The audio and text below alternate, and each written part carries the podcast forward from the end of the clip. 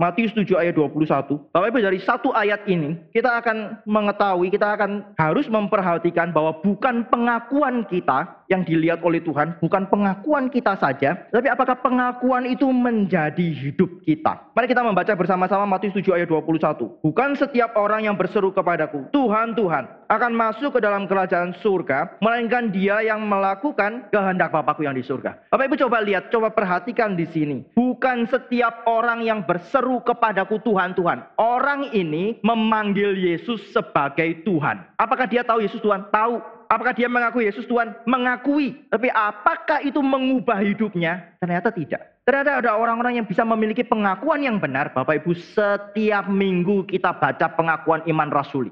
Betul? Tapi ketika kita membaca pengakuan iman rasuli, pertanyaan saya, apakah kita tahu kebenaran ini? Ya, tahu. Setiap minggu baca, mana mungkin tidak tahu. Kedua, Apakah kita setuju dengan pengakuan iman ini? Saya rasa iya, kita setuju. Tapi pertanyaan yang ketiga, apakah hidup kita sesuai dengan pengakuan iman kita. Maka Matius 7 ayat yang ke-21 ini membongkar apa yang dinilai oleh Tuhan bukan mulut, bukan apa yang keluar dari mulut kita, tetapi apa yang dihasilkan dari pengakuan itu di dalam hidup kita. Orang yang sungguh-sungguh mengaku bahwa Yesus adalah Tuhan, Tuhan atas hidupnya, orang itu akan hidup melakukan kehendak Allah.